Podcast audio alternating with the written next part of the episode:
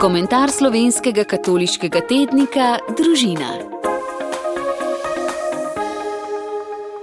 Tokratni komentar o družini je napisal Petr Tomažič in mu dal naslov Iz pusta v post.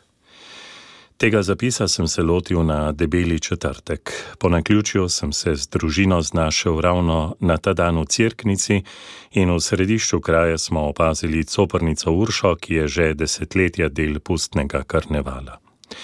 Zelo smo se razveselili v njeni barviti pojavnosti, švigajočimi očmi, veliko brezovo metlo, ruto in nalakiranimi dolgimi nohti.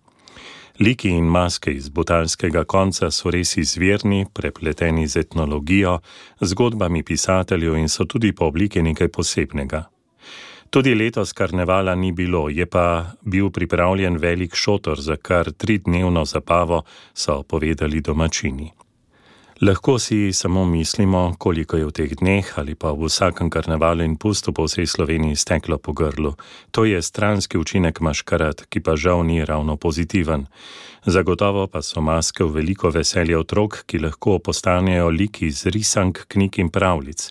Tako so tokrat imele tudi pozitiven dobrodelni napoj v pustni sobotni iskrici. Kakorkoli bi se že hoteli v zadnjih dneh razveseliti in se smejati o pustu, se je na vse nas spustila skrb nad resnično norostjo, ki se dogaja v Ukrajini. To ni maškarada, gre za življenje in smrt. Hitro se lahko prestavimo v našo vojno in v še kaj hujšega, kar se je zgodilo na Balkanu.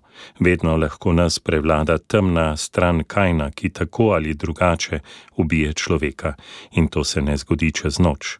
Že majhna drobna vsakdanja naravnanost nas lahko pelje v zasvojenost, sovraštvo na stran poti in celo v veliko zlo. Veliki lažni preroki nas lahko zapeljejo v sovraštvo, napihnjene grožnje pa v strah in nerazsodnost. Mask ne nosimo le za pust, ampak vse leto, v postnem času, ki sledi, je vredno o tem razmisliti. Prva in najbolj razširjena je maska oskega pogleda ali brezbrižnosti. Pred tedni so se francozi zgrozili, kako je na cesti eden izmed njihovih znanih sodržavljanov več ur ležal v mrazu in kasneje umrl. Mimo idoči so mislili, da je brezdomec in nihče ni poklical reševalcev. To žal ni tako redka zgodba. Pojavlja se v nešteto verzijah, ko nam je vseeno za skupno dobro, za okolje, za bližnjega, za kogarkoli razen zase. Največkrat nam je tudi vseeno, če se pri sosedih ali v sorodstvu dogaja nasilje, alkoholizem, revščina. Vse to je njihov problem jaz se ne bom umešaval. Kaj šele, da bi poleg ljubezni do sočloveka pomislili tudi na ljubezen do Boga, ki je postal človek, da bi vzel naše zlo nase. Druga je maska pretvarjanja, laži ali neiskrenosti. Z lahkoto jo nadenemo z besedami ter uspešnim nastopom in govorjenjem ustvarjamo iluzijo. Od prevar drugih v stilu znajdi se ali državi pa že ne bom dajal do samo prevar, da je vse v redu, pa v resnici ni, ker me ima v oblasti jeza, zamera, alkohol ali druga zasvojenost. Tretja je maska popolnosti ali osebnega marketinga, ko drugim prodajamo koncentrat svojih najboljših fotografij ali uspehov in se zdi, kot da smo superiorni. Družbena omrežja nam to omogočajo potencirati do skrajnosti, a na drugi strani smo veliko krat neskončno osamljeni, včasih tudi poskušamo skriti probleme v družini, vse narediti za dober vides, problemi pa se razraščajo.